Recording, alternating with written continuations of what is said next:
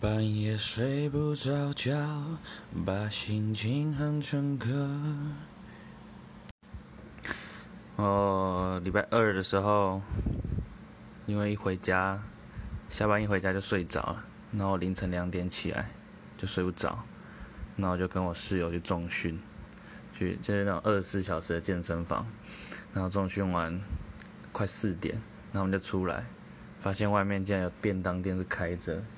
那我们就这样算宵夜吗？吃了一个便当当宵夜。